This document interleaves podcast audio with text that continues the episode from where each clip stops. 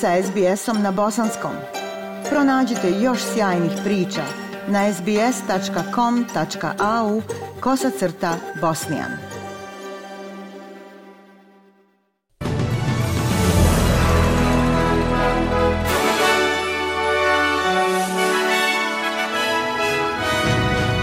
U današnjim vijestima poslušajte. Australske nacionalne organizacije za poremećaj u ishrani rade zajedno na rješavanju problema LGBTQ plus zajednice. Broj poginulih u zemljotresu koji je pogodio Tursku i Siriju premašio 46.000.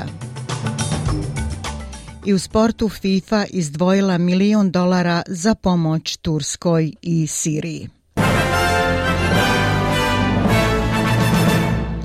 Slušate program SBS radija na bosanskom jeziku. Lider stranke Nationals David Littleproud kaže da se njegova stranka protivi glasanju starosjedilačkog naroda u parlamentu jer vjeruju da to neće pomoći smanjenju jaza. Gospodin Littleproud je rekao za Channel 9 da birokratska intervencija neće podržati autohtone Australce u ruralnim i udaljenim područjima koje njegova stranka predstavlja. Iz perspektive partije Nationals mi imamo proživljeno iskustvo. Protivimo se ovom dijelu samo zbog proživljenog iskustva koje imamo predstavljajući ljude u ruralnim i udaljenim područjima gdje postoji nepovoljnost i vjerujemo da drugi sloj birokratije neće zatvoriti jaz. Autohtoni Australci bili su ovdje prvi i bolje nam je zajedno, tako da osjećam da bi naša partija to podržala. Lider Lider Nationalsa poziva premijera da posjeti više ruralnih i regionalnih zajednica kao rješenje za smanjenje jaza. Počeo je sajam Mardi Gras u Victoria Parku u Sidneju i očekuje se da će više od pola miliona ljudi doći u grad na World Pride. Postoji preko 350 štandova u sklopu više od 300 događaja koji će se održati tokom sedmica proslave svjetskog ponosa. Izvršni direktor Mardi Grasa Albert Kruger rekao je za Channel 9 da je ovogodišnja tema Gather Dream Amplify u cilju pojačavanja glasova u zajednici. Ovo je prilika da se naša zajednica okupi iz cijelog svijeta, a konferencija o ljudskim pravima je oličenje toga. Ali onda da iskoristimo ovu priliku da zajedno sanjamo o tome šta je moguće, jer Mardi Gras postoji zbog ravnopravnosti. Također znamo da su najteži zločini nad našom zajednicom pred vratima, tako da želimo pojačati taj glas i pozvati što više ljudi da podrže organizaciju i veliki rad za ravnopravnost u našoj zajednici. Nova kampanja poziva pružaoce zdravstvenih usluga da ponude inkluzivniji i sigurniji prostor za LGBTQ plus zajednicu da potraže pomoć kod poremećaja u ishrani. Kampanja Everybody Welcome pokrenuta je tokom World Pride-a od strane organizacija za podršku borbe protiv poremećaja u ishrani širom zemlje i nastoji pružiti kulturološki prikladnije mjere podrške. Voditeljica istraživanja instituta Inside Out i klinički psiholog dr. Jane Mišković-Vitli rekla je da zdravstveni radnici moraju pružiti inkluzivniju njegu kako bi svi dobili potrebnu podršku.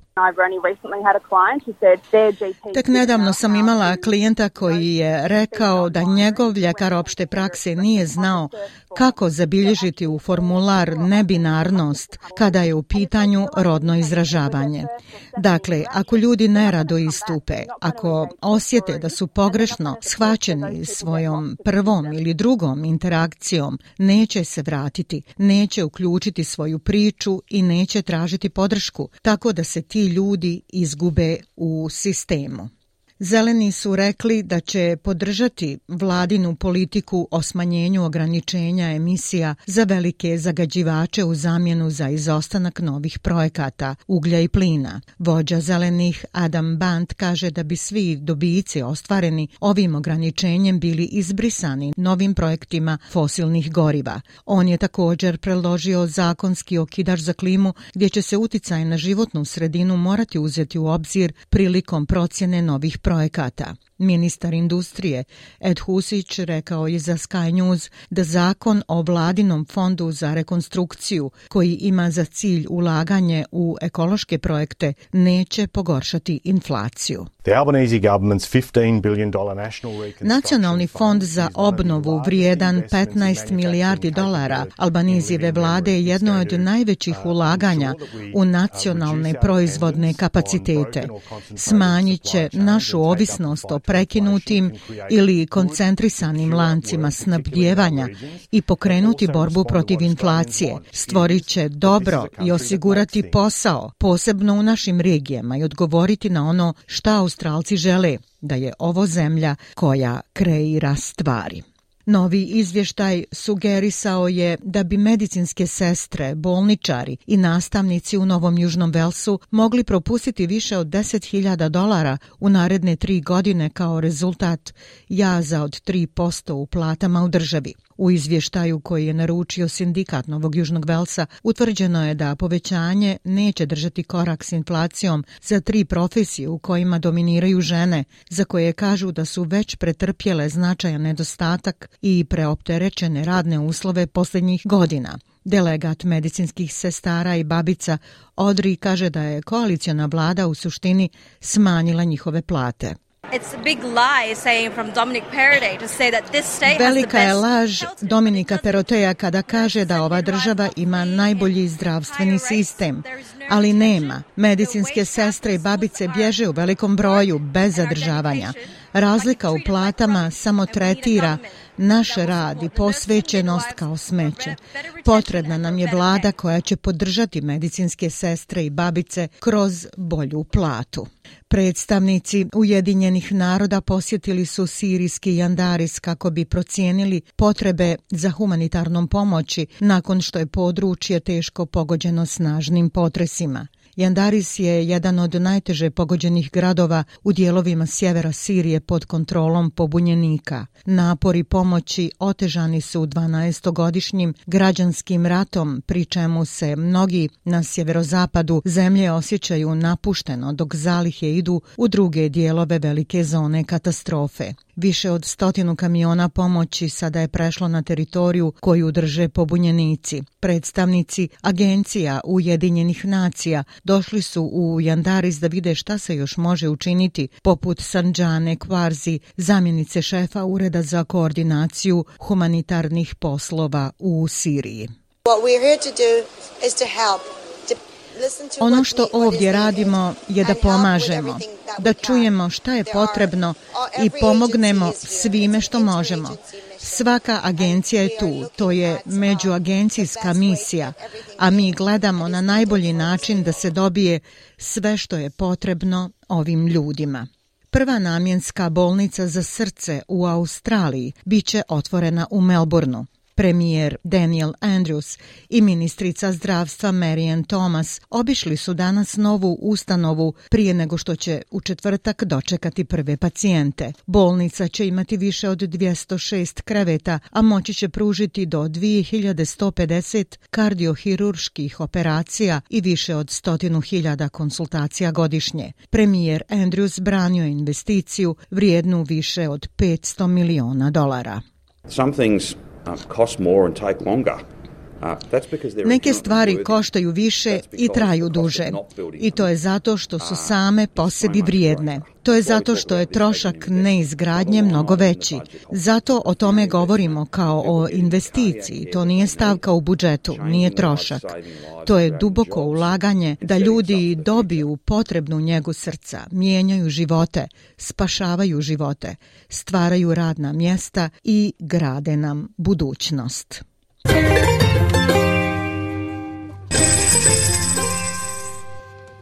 Prema kursnoj listi, australski dolar danas vrijedi 0,68 američkog dolara, 0,64 eura, 0,57 britanske funte te 1,25 bosanske konvertibilne marke.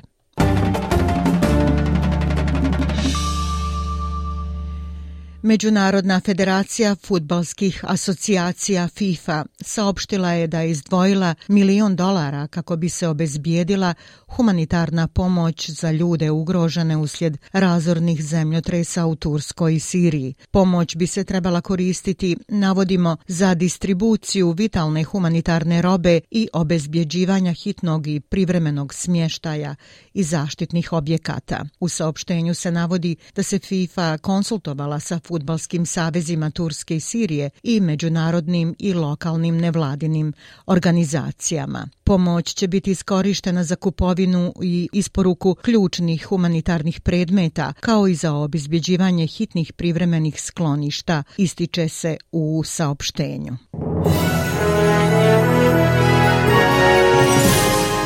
I za kraj vijesti poslušajte temperaturne vrijednosti za veće gradove u Australiji. U Pertu je sunčano 33, Adelaidu također sunčano 30, u Melbourneu 27, u Hobartu 28, u Sidneju 27 stepeni, u Brisbaneu oblačno 31 i u Darwinu pljuskovi moguća oluja 33 stepena. Bile su ovo vijesti SBS radija na bosanskom jeziku. Ja sam Aisha Hadži Ahmetović. Ostanite i dalje s nama.